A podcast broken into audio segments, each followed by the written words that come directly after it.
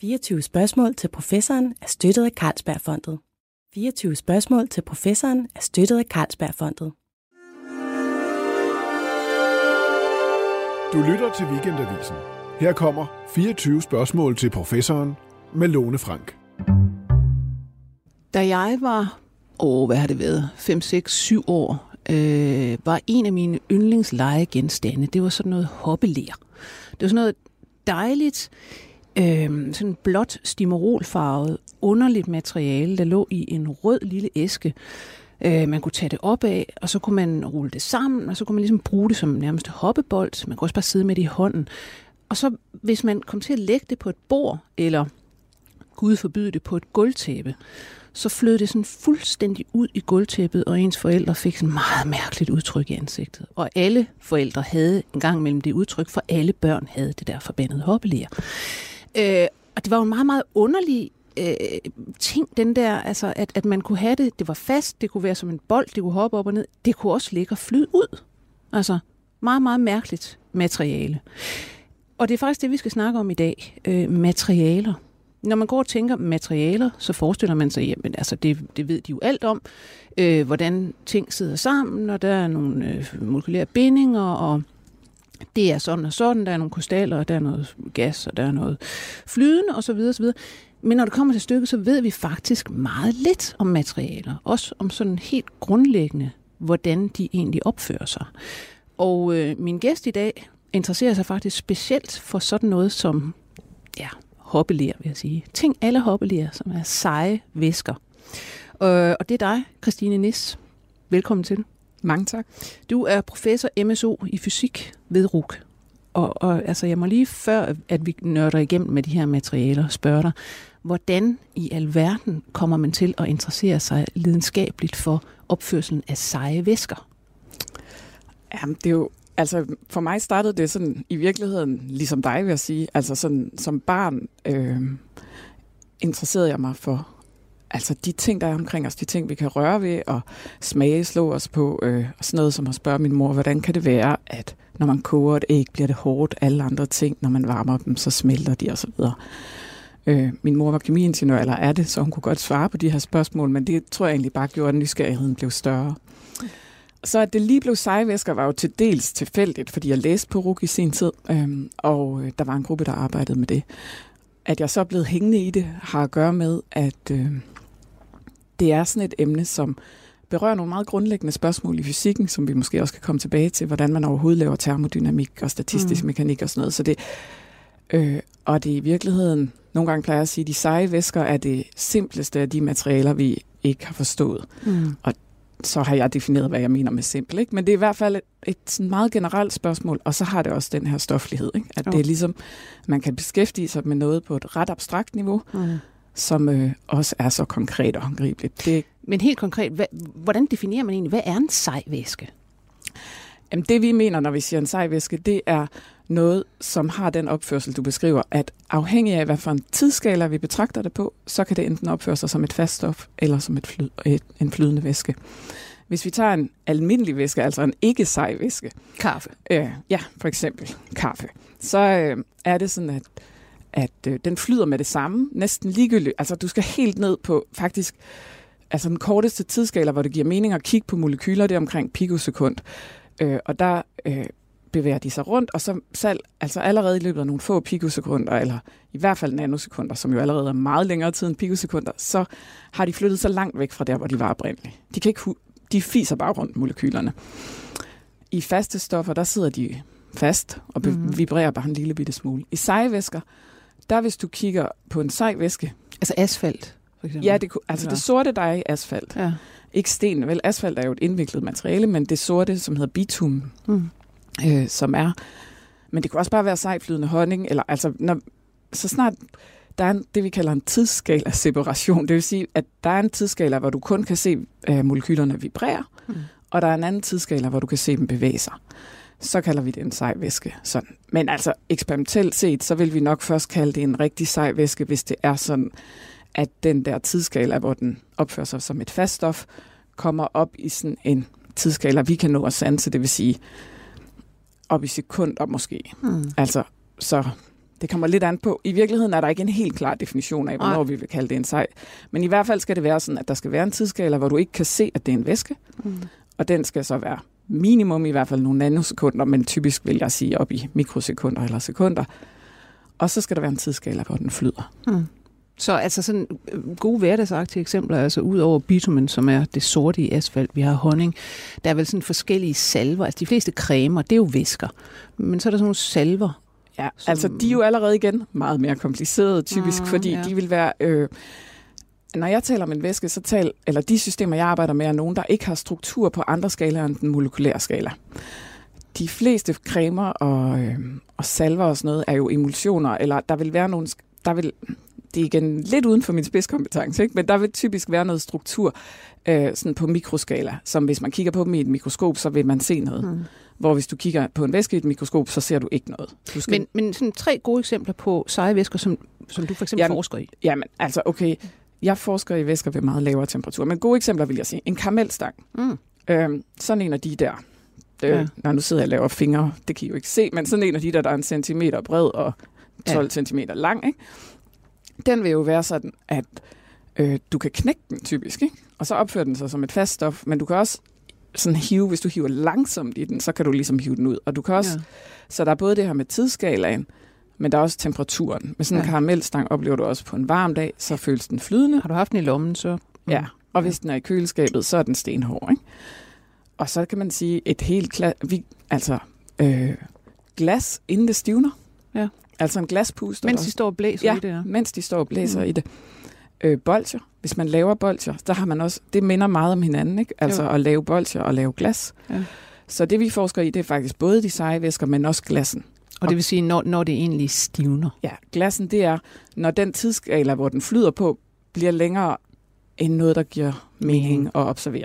Interessant. Det, det er sjovt altså, at høre det her med, når jeg øh, tænker fysik, så tænker jeg jo straks, alt er nøje defineret. Altså man kan sætte en grænse her, man kan sætte en grænse her, der er en lov for det ene, og der er en lov for det andet, og du ved, altså det hele er sådan noget meget, øh, det er alt sammen fundet ud af, og det er inde i systemer og modeller og sådan, men, men det er det jo så altså ikke, når vi kommer til det her meget, meget grundlæggende.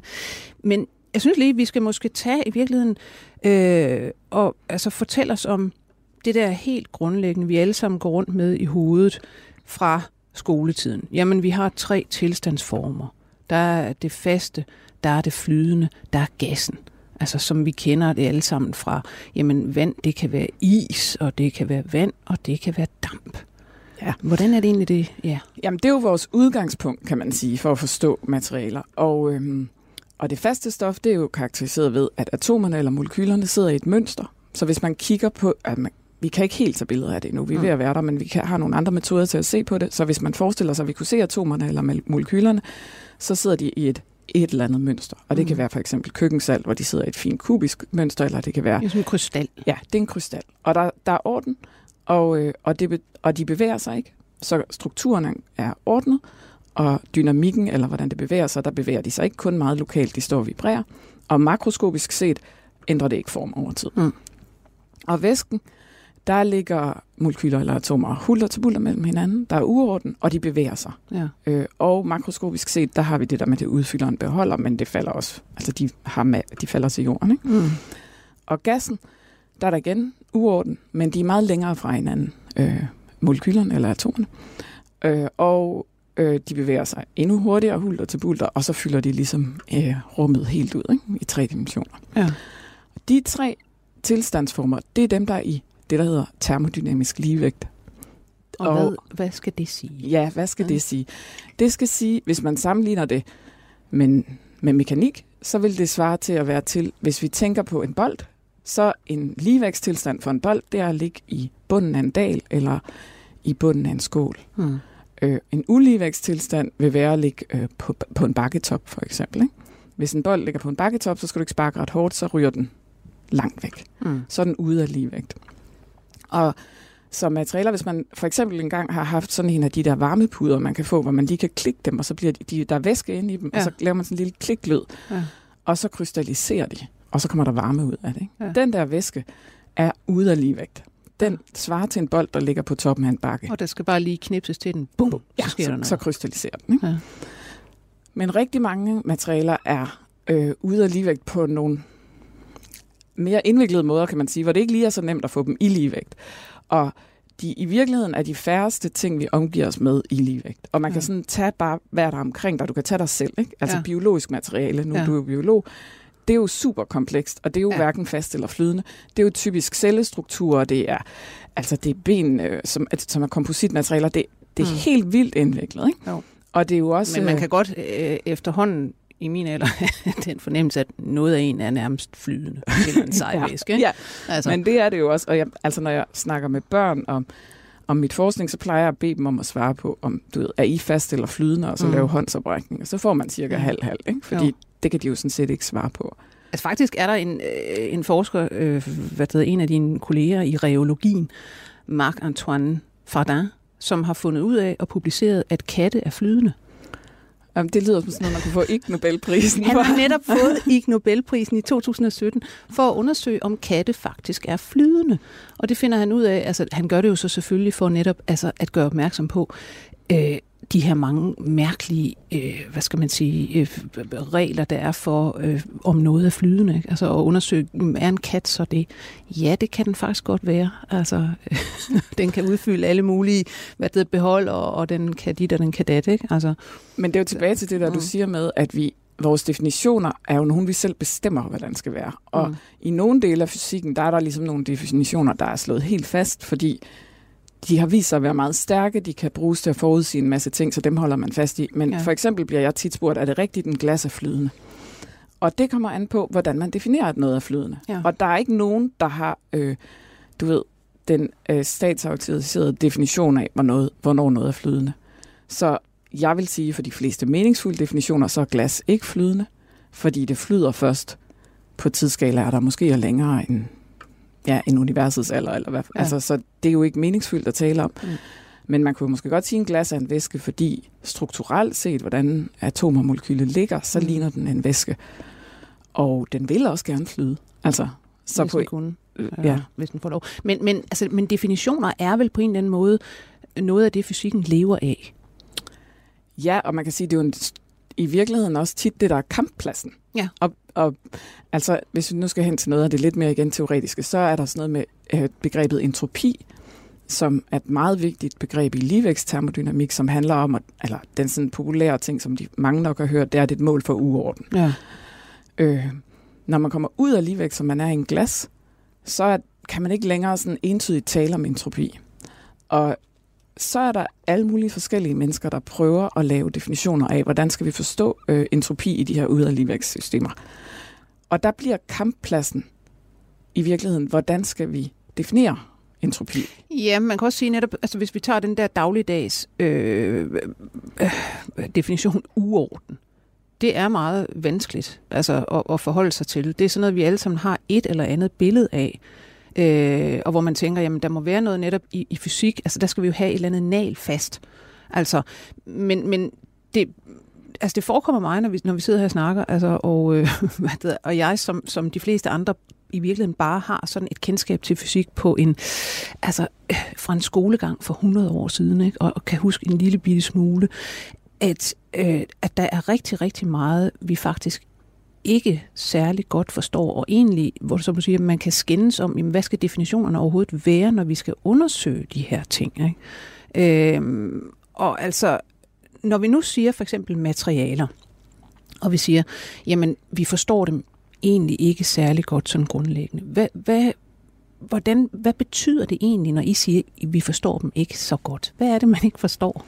Jamen, det er et rigtig godt spørgsmål, fordi der er jo mange ting, øh, vi ved om materialer. Øh, og jeg kommer også altid med det her eksempel med, at vi siger, at det hedder stenalderen, bronzealderen, jernalderen osv. Så, så vores evne til at, at beherske materialer er helt afgørende for, hvad vi kan gøre.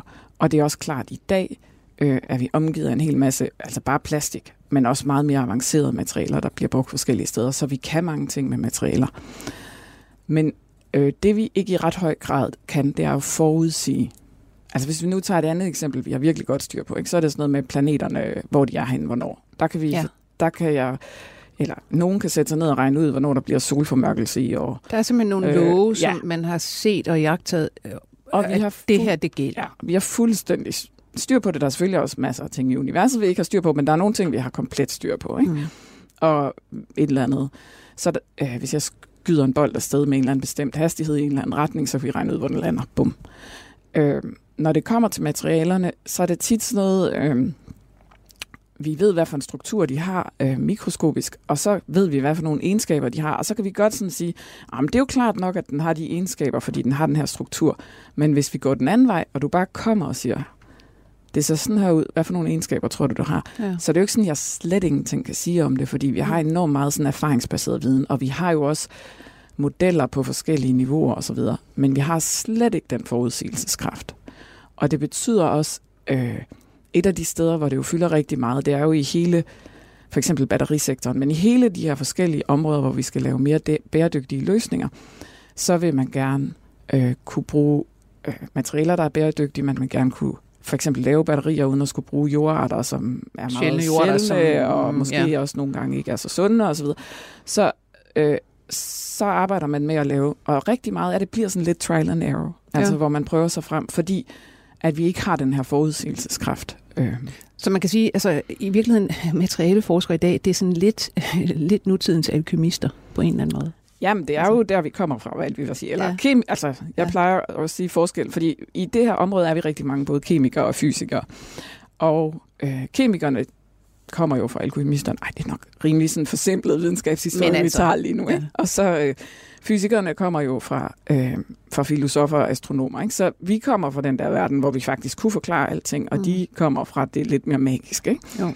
Og man kan sige, det der er med fysikere, der laver materialeforskning, det er, og det er nok også derfor, jeg beskæftiger mig med de seje væsker og ikke med nogle mere indviklede systemer, det er, vi vil gerne øh, oversimplificere tingene, så vi til gengæld kan få nogle formler, der kan beskrive, hvordan ja. det sker. Så vi vil hellere øh, lade som om alle atomer bare runde kugler, hvis det så gør, at vi faktisk kan forudsige, hvad, de, hvad der kommer til at ske. Mm. Og så lever vi med, at sådan er virkeligheden ikke helt. Ja.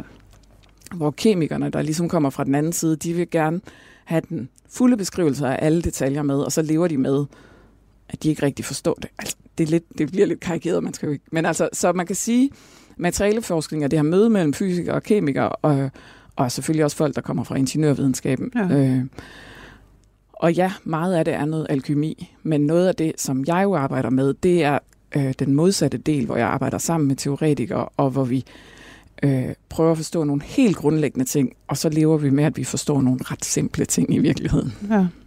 Men, øh, men det her med, øh, altså vi må måske lige sådan inde på det, hvad, hvad kan man så bruge det her til? Altså du går jo og forsker i noget meget basalt. Altså de her, for eksempel øh, den her seje væske bitumen mm. øh, som du laver forsøg med, simpelthen. Ikke? For at, ja, hvad er, det, hvad er det for en slags forsøg? Hvad, altså, jeg arbejder faktisk ikke med væsker, der er seje ved stuetemperatur. Jeg arbejder med olier, sådan noget silikoneolie eller glycerin, som du kan købe nede i Matas eller sådan noget. Så det er væsker, som er måske en lille smule tykflydende, men som ikke er seje, og så mm. køler jeg dem ned. Ja. Og det har at gøre med, at de væsker, der er tykflydende ved stuetemperatur, for eksempel bitumen, er typisk mere indviklet og jeg vil gerne væk fra det indviklede og hen, ja. hen til det simple. Så det, jeg arbejder med, det er at forstå, øh, ja, man kan sige temperatur- og trykafhængigheden og tidsligheden. Altså, så hele det her med, hvornår går den fra at være flydende til at være fast, mm. og hvordan foregår det. Ja. Og det lyder jo som om, kan man virkelig bruge et helt liv på det, men det kan man. Men, ja, men, men hvordan kan man, altså jeg prøver øh, inde i mit hoved i øjeblikket at se for mig, hvordan i alverden laver man forsøg med sådan noget, ja. fordi du står med store opstillinger og maskineri, og ja. altså sådan Jamen, lidt vi laver nogle, Ja, vi laver forskellige typer forsøg. Så øh, et af de meget klassiske forsøg, det er, at man tager lidt væske og putter det ind imellem to metalplader, og så sætter man et elektrisk felt over, og det gør man med forskellige frekvenser. Og så alt efter, hvis det materiale, man har puttet der ind i, øh, har nogle elektriske dipoler, så kan man så måle, hvor, hvor meget bevæger de sig. Altså det vil sige, hvis, hvis materialet selv har øh, altså nogle molekyler øh, eller ioner, der simpelthen er altså de negative den ene end de positive. Præcis. Ligesom små magneter, bare elektrisk. Ja. Ja. Ja. Så ændrer vi, så ligesom at stå med en magnet og vippe den frem og tilbage, en stor magnet, og du har en masse små magneter, så ser vi på, hvordan følger de små, altså hvordan følger molekylerne med. Og hvis vi gør det ved en høj frekvens, det vil sige hurtigt frem og tilbage, så hvis væsken er sej, så kan de ikke følge med rundt. Men hvis vi gør det ved en lav frekvens, hvis vi gør det langsomt, så kan de godt følge med rundt. Så, mål, så gør vi det ved en masse forskellige frekvenser. Så ændrer vi tryk og temperatur. Så I kan simpelthen se, nu går det fra at være ja. flydende til ja. ikke at være det, eller omvendt. Og vi kan også se, hvordan det går fra at være Mm. flydende til ikke at være det. Og nogle gange sker det i flere trin, for eksempel. Altså når du siger, hvordan I kan se på molekylestrukturer. Nej, Eller? vi ser ikke på struktur, vi ser på dynamik, så vi får okay. en graf, der har en form. Ikke? Men så nogle gange, hvis vi tænker på det i tid i stedet for, så kan det være sådan noget med, at den flyder lidt, og så har den ligesom et plateau igen, og så flyder den igen. Eller sådan. Mhm. Så vi får nogle, nogle grafer, der har en tidslighed, og så flytter vi dem ved at ændre tryk og temperatur. Og det er det, vi og det gør vi med sådan nogle makroskopiske metoder. Og vi laver også reologi, som du nævnte, som er at se på, hvor- altså simpelthen at se på, hvordan det flyder. Ja. Hvor, vi, hvor vi hiver i det. Øh, jeg, jeg er lidt hæmmet af, at det er radio, det her bliver. Ja, Ja, for jeg det- sidder ja, hele tiden og fakter. med Det, må, det beklager jeg over for lytterne, men okay, så vi hiver i det. Øh, øh, og måler, hvor hårdt det er at hive i det. Og det gør Ja. ja. vi igen med forskellige hastigheder, altså ved høje frekvenser og lave frekvenser. Mm. Og så ser vi igen den her overgang. Men vi laver også mikroskopiske målinger, hvor vi laver det, der hedder neutronspredning, Mm-hmm. øh, som øh, ikke er noget, vi lige kan lave hjemme øh, på Roskilde Universitet, men som kræver, at, at jeg, tager, jeg tager typisk til Grenoble i Frankrig, hvor der er Mm. en stor reaktor, og, øh, og så gør vi igen det, at vi ændrer tryk og temperatur, og så skyder vi på væsken med neutroner, som jo er de her partikler, der sidder inde i kernen af atomer, men som man i den her reaktor får frigivet, så de bare er alene Mm. så rammer de, og så måler man, hvor de kommer ud. Når de så rammer, så kan de enten få noget energi fra væsken, eller give noget energi til væsken, og alt efter, hvor meget energi de så har bagefter, så kan vi sige noget om, hvordan væsken bevæger sig. Mm. Og det er den metode, jeg bruger, hvis jeg skal kigge på de her korte tidsskalaer på pico og nanosekunder. Og det er et kæmpe menageri. Så det er jo sådan noget med, Som er millioner og milliardedele sekunder. Lige præcis. Øh, så det er et menageri at lave de der eksperimenter, fordi der tager man ned til den her reaktor, og man har søgt om at få tid til at arbejde på den, og man tager timer afsted, og så får man sådan, nu får du tre dage, og så skal man, Skal du fandme få det til at virke, det ja. her? og du skal love, at du arbejder 24-7, ikke? og så bor man Ja. i et guesthouse lige ved siden af, og så går man rundt, så rejser man næsten en dag for at komme til Grenoble, ikke? og så er man Ja. inde på sådan en lille bitte trekant, hvor man sover, spiser og måler. Øh, Og så kommer man med, med, med sin væske der og drypper Ja. den ned, og så... Ja, Ja. ja, præcis. Og så har man sin lille snotklat med, og så kigger man på den. Så ja. Men, men hvordan... øh, Prøv at forklare mig et, øh, eller give et eksempel på et, et resultat, du så har fundet. Altså, hvor du lige pludselig siger, "Øj, Eureka, her var det, nu kan jeg skrive en artikel, nu ved jeg sådan og sådan. Ja, de kommer i forskellige former. Men altså noget af det vigtigste, jeg har lavet, det er noget af det, vi laver i samarbejde med teoretikerne øh, på Roskilde Universitet. Og det handler om det her med at forstå, hvordan temperatur og tryk virker. Fordi man kan få en væske til at flyde langsommere ved at køle på den, Mm. men man kan også få den til at flyde langsommere ved at trykke på den. Og det vi så har fundet ud af, og det kommer fra teoretikerne, men det er mig, der så har designet eksperimenter til at teste, det er, at der ligesom er nogle øh, forskellige steder, hvor du kan have et tryk og, et tem- og en temperatur, og så kan du have et andet tryk og en anden temperatur, hvor væsken opfører sig helt ens. Mm-hmm. Så der ligesom øh, er nogle, det vi kalder linjer i fasediagrammet, det kan lidt svært at forstå det uden at se det, men i hvert fald, der er ligesom, vi kan udligne effekten af, af temperatur med tryk. Ja. Og det kan vi gøre helt præcist. Ikke bare sådan, at nu flyder den cirka lige hurtigt, men også når vi kigger på de her spektre med, med tidsligheden og Det ser bliver simpelthen nøjagtigt det samme. nøjagtigt det samme. Men man kan jo sige, at, at, at tryk og temperatur, det er jo også, altså øh, trykket det er, jamen, hvor, du ved, hvor tæt presser man de her molekyler sammen. Og temperaturen er jo også netop noget om, hvor hurtigt bevæger det sig, det vil sige også, hvor, hvor tæt er det egentlig sammen. Ikke? Så man kan godt forestille sig, at Ja, de kan... Man kan godt forestille sig, at det kan udligne hinanden, ja. og på nogen måde er det heller ikke, det er jo ikke overraskende, at det kan udligne hinanden sådan cirka, men det, der er det overraskende, er, at det sådan er altså virkelig fuldstændig lige øjet. Ja.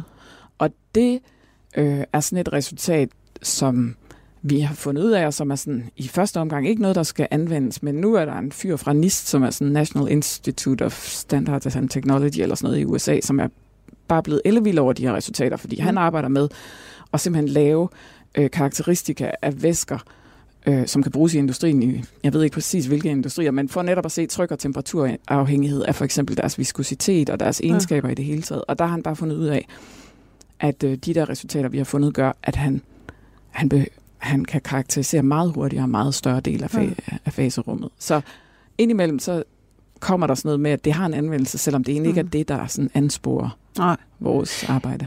Nej, altså I laver, det er virkelig decideret grundforskning. Og vi kan senere altså, komme ind på, hvad skal man sige, hvordan det er at, at beskæftige sig med grundforskning, hvorfor man lige vælger det. Men jeg tænker øh, lige nu, Altså det her med, hvem er interesseret i de her øh, resultater? Ikke? Hvem er det, der står som gribe uden for jeres laboratorier og egentlig godt kan bruge det?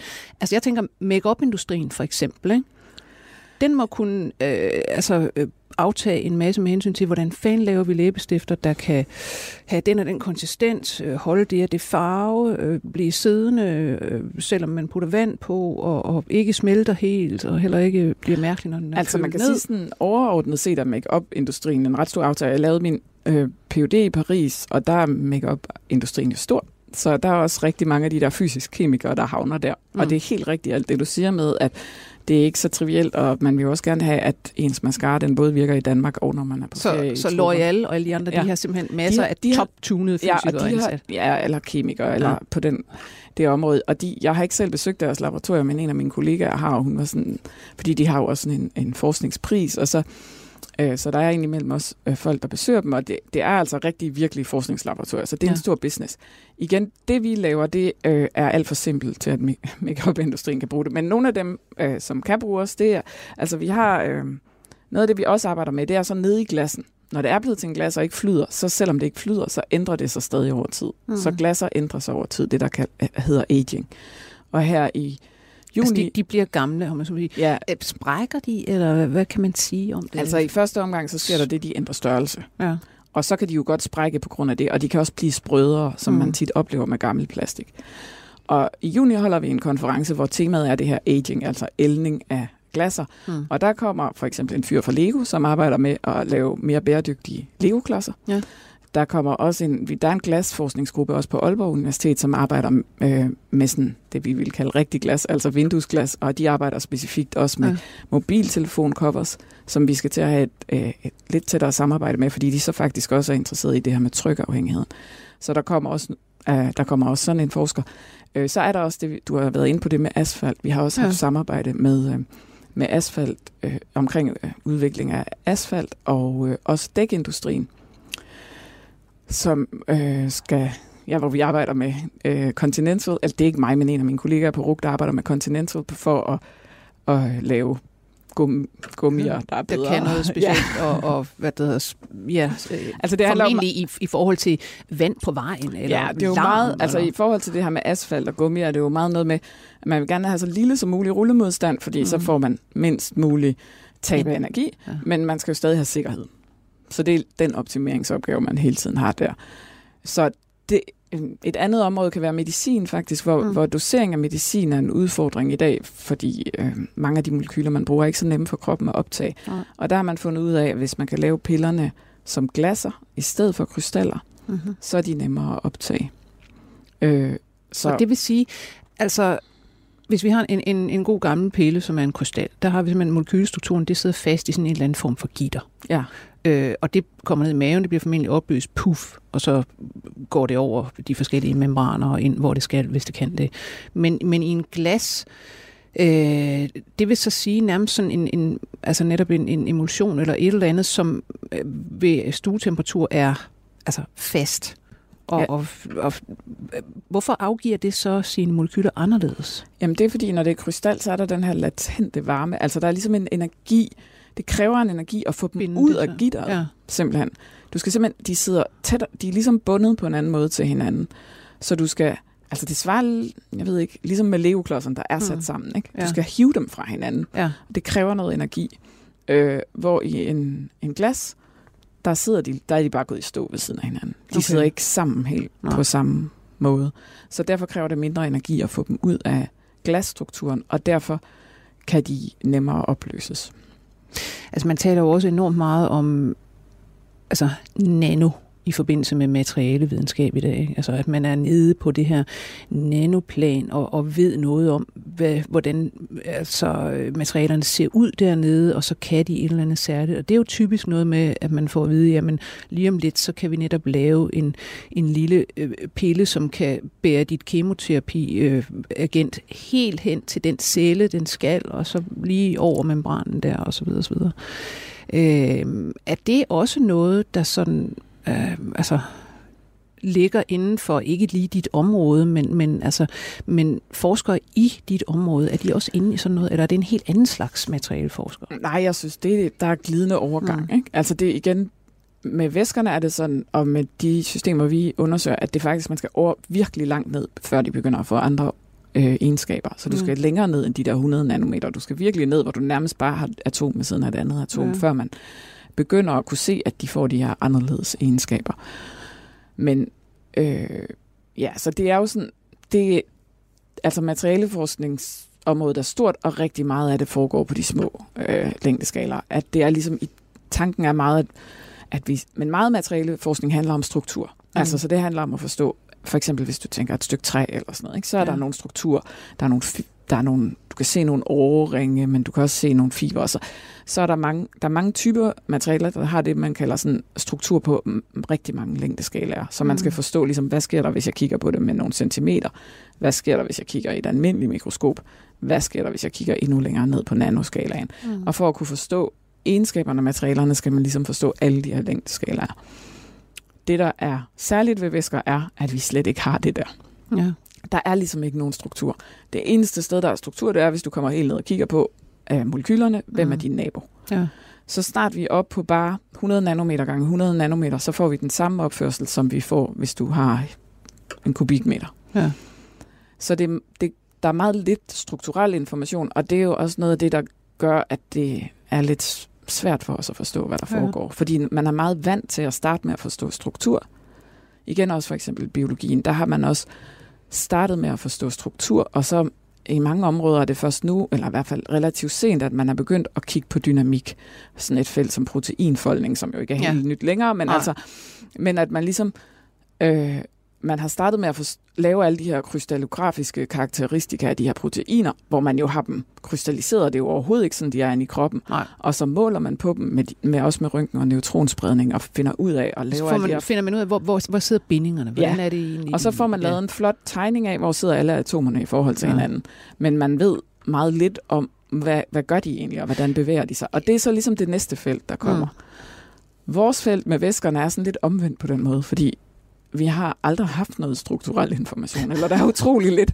Så vi har bare været nødt til at starte med at kigge på, hvordan bevæger ja. de sig egentlig. For ja. der er ikke rigtig andet at sige noget om. Nej. Øhm, så bruger man jo så også øh, altså ret meget energi i dag på at, og, hvad det hedder, at udforske nede på det mindste plan. Ikke? Altså for eksempel har man jo lavet i, eller er ved at lave, er den egentlig åbnet, den her Spillation Force? Nej, det er den ikke.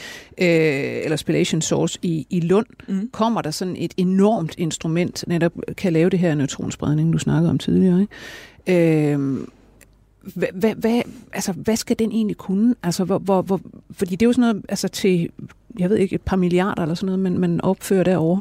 Ja, det er mere. Øh, mere, ja. ja. Altså, det er et par milliarder danske kroner, ja. øh, som Danmark kommer med. Ja. Men det samlede budget er et par milliarder euro. Ja, okay. Så det er, det er mange penge. Ja. Øh, Jamen, altså den, er, den bliver erstatningen for den der reaktor, jeg typisk arbejder på i Grenoble, øh, i Grenoble eller det vil de nok være ked af i Grenoble. Der bliver et overlap, men på ja. sigt bliver det erstatning. Det er den, ligesom den store nye europæiske kilde til neutroner. Og i Grenoble er det, gør man det med en reaktor. Her der vil man så gøre det med det, der hedder spallation, og det betyder, at man har, øh, man har en lille synkrotron, så man har en, en accelerator, der accelererer nogle elektroner op, som så rammer et target, og så kommer neutronerne ud. Og man vil hellere gøre det på den måde, blandt andet af sikkerhedsmæssige årsager, fordi det er upraktisk at have reaktorer, mm. øh, hvor man har radioaktivt materiale, og man gerne ja. vil have forskere fra hele verden, skal have lov at have adgang. Øh, og så er der også nogle andre fordele, sådan rent teknisk. Jamen, den skal kunne det samme som det, vi skal, bare mere. Ja. Altså, så jeg sad på et tidspunkt i det, der hedder Scientific Advisory Council, og når vi skulle se på de nye, altså det er, sådan, det er jo en kæmpe kilde, og så kommer der øh, lad os sige, første omgang 8, men på sigt nogle af 20 instrumenter rundt om den. Ja, for det er sådan en, en, en, en cirkulær Øh, ja, jamen, det er jo sådan set, det, det der target er jo en central ting, og så kommer det strålerne ud. Altså, du, det er mere end en stjerne. Ja. Altså, så der er ligesom en kilde i midten, som sender stråler ud i alle retninger, og så kan man sende instrument, sætte instrumenter med forskellige optik og med ja. forskellige øh, øh, detektorer og forskellige detaljer, øh, som så gør, at man kan måle forskellige ting. Og man kan jo måle øh, alt muligt forskelligt. Så, så det er ligesom, nogle gange bliver det sådan lidt sammenlignet med sådan en særn ting, men det er alligevel meget forskelligt fra det, ja. fordi det netop er en hel masse instrumenter rundt om en kilde, hvor folk så kommer med hver deres lille prøve, som så kan være et stykke væske, eller som kan være en mystisk krystal, eller mm. som kan være et eller andet. Og man kan kigge både på struktur, altså både på det, vi taler om, hvor sidder atomerne i forhold til hinanden, Man kan kigge på magnetiske egenskaber, og man kan kigge på dynamik, mm. og man kan også nogle gange kigge på øh, sådan elektronovergange. Øh, så man, og hver af de her instrumenter kommer så til at være optimeret til noget forskelligt. Og det, vi forventer, i hvert fald det, der er ambitionen, det er, at det skal være cirka 100 gange bedre end det, der eksisterer lige nu. Ja. Altså, så, hver, så, så præcis hvad vi kommer til at kunne se og kommer til at kunne gøre med det, det, det vil formentlig overraske. Eller ja, det er forhåbentlig. Ja. Men, men, men altså, det er jo også interessant, når, hvis vi går tilbage til noget af det, du sagde, at, at altså, definitioner, du ved, altså bronzealderen, jernalderen osv., osv. Vi, en civilisation defineres i høj grad øh, af de materialer, den forstår og kan håndtere og kan bruge. Og, og vi er vel altså i, i, øh, i en eller anden fase, hvor der netop, altså der, der forskes faktisk meget i, og der udvikles meget inden for materialer? Altså, hvad kan man få dem til, og hvad kan man lave af nye ting, som du siger, hvis det noget skal være bæredygtigt? Vi skal vel også på en eller anden måde væk fra, eller forsøge at komme væk fra petrokemien, som øh, hvis man tænker over det, altså vi, ja, vi brænder en masse olie af, men vi bruger altså også usandsynligt meget olie til at lave vores materialer. Mm. Altså plastik og medicin. Der er utrolig meget altså, kemi, der kommer fra de her øh, fossile brændstoffer og, og komme hvad skal man sige, væk fra det, det, det bliver jo en ny, en ny kemisk alder på en eller anden måde. Ja, helt sikkert. Altså, jeg var til et phd forsvar jeg tror for et års tid siden, med en phd studerende på KU, der havde arbejdet med polymer, som jo, og hun fik faktisk det der spørgsmål, har vi overhovedet brug for den her type forskning, er det her ikke noget, vi skal væk fra, som sådan det afrundende, du ved, perspektiverende, mm. efter hun mm. havde talt om alle sine nørdede ting også. Ja. Altså, hendes svar var jo, at vi kommer jo for formentlig til at have den her type materialer, eller skulle have den her type viden, øh, alligevel, selvom det så kan være, at, at kilderne til polymererne bliver nogle andre. Og netop også, hvis vi så øh, skal lave dem på en måde, hvor de er langtidsholdbare, ja. eller kan genbruges, eller eller måske øh, kan, kan opløses. Eller Puff. kan øh, være ja. bionedbrydelige, ikke? som ligesom er de tre strategier, der på en eller anden måde er. Ikke? Øh, så kræver det endnu mere, at vi forstår dem, end vi har gjort hidtil. Ikke? Mm. Ja. Så der er rigtig meget forskning i materialer lige nu, der er drevet af en bæredygtighedsdagsorden. Noget helt andet end, end det her med øh, materialer og det brugbare, det anvendelige. Øh, det er sådan altså, grænsefeltet mellem, kan man sige, grundforskning og, og kunst. Det har du faktisk også for nylig været en lille smule inde i, kan man sige. Øh, fordi ude på Louisiana er der i øjeblikket en kunstner, der hedder Anne Veronica Jansens, som er belgisk, mm-hmm. og som laver meget noget hvad skal man sige, noget kunst, der har ligesom sådan med noget netop altså øh, materialer og, og ligesom udforske, hvad i alverden kan, du ved, noget farve i noget vand og, og nogle grænseflader mellem noget olie og noget vand. Og sådan noget. Altså, og øh, hun er sådan lidt, som nogen siger, hun lavede lidt øh, den samme type kunst, som Olaf Eliasson bare længe før. Mm. Øh, men man kan gå ud og se de her spøjse arbejder, eller nogle af dem, altså hvor det handler om, for eksempel om, om tåge, øh, som jo altså er ja, vanddamp, ikke? Eller øh, du sidder i nogle videoer faktisk på Louisiana Channel og taler med hende om altså vandskulptur. Mm.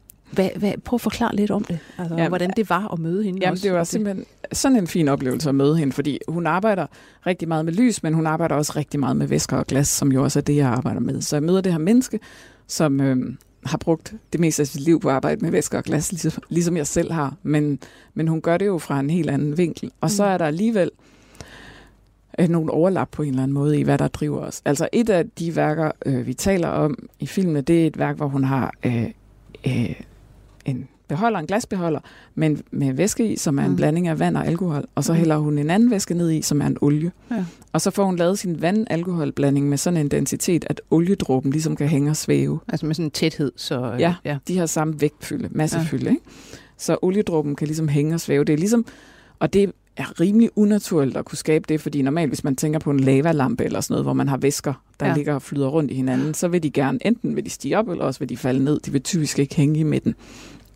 Så det der med, at det lykkedes ind at lave det, det, det lykkedes så heller ikke helt, fordi i hvert fald da jeg besøgte udstillingen, der var den faldet ned på bunden. Det er vildt svært, det der. Ja. Altså det er jo faktisk, så det er jo nærmest sådan et tabletop-eksperiment. Ja. Og for at det kan fungere, så kræver det, at Luciana har styr på deres temperaturregulering og så videre. Det har de åbenbart ikke, ja. ikke helt haft. Nej, det er i hvert fald ikke temperatur og tryk og ja, så videre. Ja, præcis.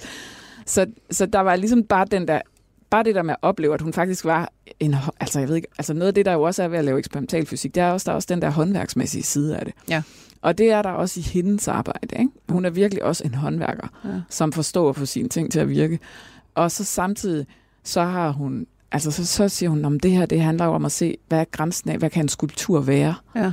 Eller hvad er ligesom, hvad er det, vi overhovedet kan se og ikke kan se, og hvad er sådan, så det er meget sådan noget med at, at være drevet af sådan en nysgerrighed for, hvad ligesom, hvad er grænsen for, hvad vi kan fatte på en eller anden måde. Og ja. det minder jo også utrolig meget om det, vi gør i grundvidenskaben. At vi hele tiden, altså så vi, og som eksperimentalfysiker, der er det jo netop det der med, at jeg har den der helt, altså jeg går ned på værkstedet og snakker med dem om, hvad for en gevinststørrelse skal vi bruge til det her, du Ja. Og så går jeg snak, hen og snakker med vores teoretiske kollegaer, der siger, nu har jeg regnet på det, jeg har godt nok lige brugt ikke tre dimensioner, men uendelig mange dimensioner, men så bliver ja. det til gengæld meget simpelt. Ikke?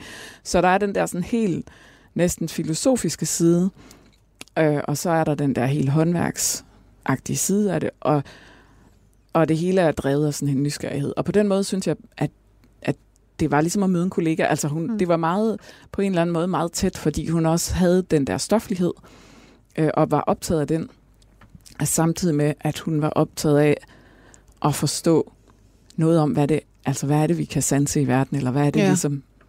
Men det, det ligner jo for mig lidt, når, når, når du og andre spørger jer selv og hinanden, og skændes lidt om os, hvad er det helt nøjagtigt, vi ikke forstår?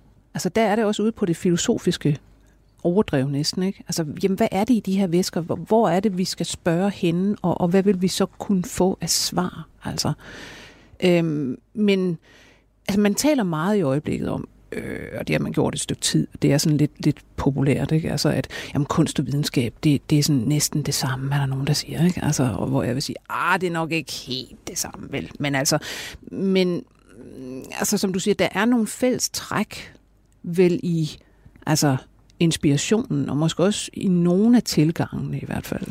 Altså, jeg vil give dig ret i, at det i hvert fald, det er jo ikke det samme, fordi vi har nogle forskellige succeskriterier. Altså, det tror jeg måske er det, der er den store forskel, at vi har ligesom det der med, at det skal kunne gentages, det skal kunne måles, det skal kunne verificeres, og det skal, vi vil gerne kunne forudsige nogle ting og sådan noget.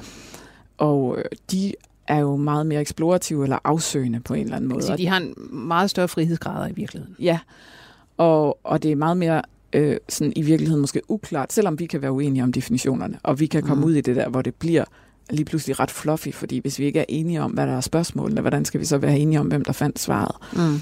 Øhm, så har vi alligevel, altså på den lange bane, hvis vi kigger tilbage til ting, der er foregået langt tilbage, så er der alligevel en eller anden form for enighed om, hvad målestokken er. Mm. Det kan være ret svært i nuet at vurdere, om noget er godt eller dårligt i videnskab, men på en eller anden lang tidsskala, så er vi ikke i tvivl. Og der tror jeg, at kunst har jo en, en, trods alt en større grad af subjektivitet, end vi har. Men det, jeg tror, der er fællestrækket, det er, at øh, drivkraften går ud over det umiddelbare brugbare. Ja. Altså, at der er den der grundlæggende trang til at udforske verden, som jo også er, altså der er et bjerg, jeg skal op på det. Altså som er en kæmpe drivkraft for mennesker i det hele taget. Det der med, at vi gør noget, fordi vi kan det, eller vi gør noget, fordi vi er nysgerrige. Og ikke egentlig fordi, at øh, mm, BNP bliver højere i morgen, fordi ja. jeg gør det. Ja. Altså. Og, og der synes jeg, der er en stor lighed. Er der noget, hvor du nogle gange kan tænke, ej lige nu, hvor jeg sidder midt i alt det her, og med alle de her restriktioner, og jeg skal også søge penge, jeg vil egentlig hellere bare være kunstner. Og undersøge væsker på den måde.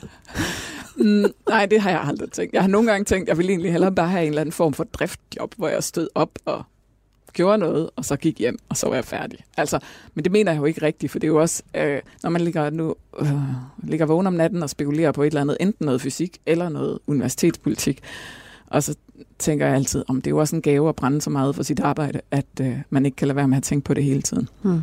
Hvad er simpelthen det bedste ved dit job, eller dit arbejde, eller dit virke, skulle man i virkeligheden kalde det? Om det bedste ved mit arbejde, det tror jeg er at undervise mine phd studerende faktisk. Altså fordi jeg elsker at undervise, jeg elsker at forske, men med phd studerende der rammer du ligesom sådan begge dele på én gang. Og du har det der at holde phd forsvar ikke? hvor der står sådan en studerende, som du har set komme ind for tre år siden, og vi startede på et eller andet projekt, og det var en ung og usikker person, og så tre års, og, og vi har nogle spørgsmål, vi ikke aner, hvad for en retning vi skal gå med for at få det til at overhovedet at hænge sammen. Og så tre år senere, så står der sådan mod en forsker og fremlægger nogle seje resultater, man er stolt af. Det, så bliver jeg sådan helt... Så det værste, det er så, at de skal forlade mig og ud i verden. Men der kan de jo så få deres virke. Nemlig. Fordi I står jo på skuldrene af hinanden. Tusind tak, Christine Næs, fordi du var her i dag. Selv tak, det var en fornøjelse. Professor MSO i fysik fra RUK. Og jeg har jo kun tilbage at sige, at den uforlignelige Johanne Møgen var producer i dag. Jeg selv hedder Lone Frank. På genhør. 24 spørgsmål til professoren er støttet af Carlsbergfondet.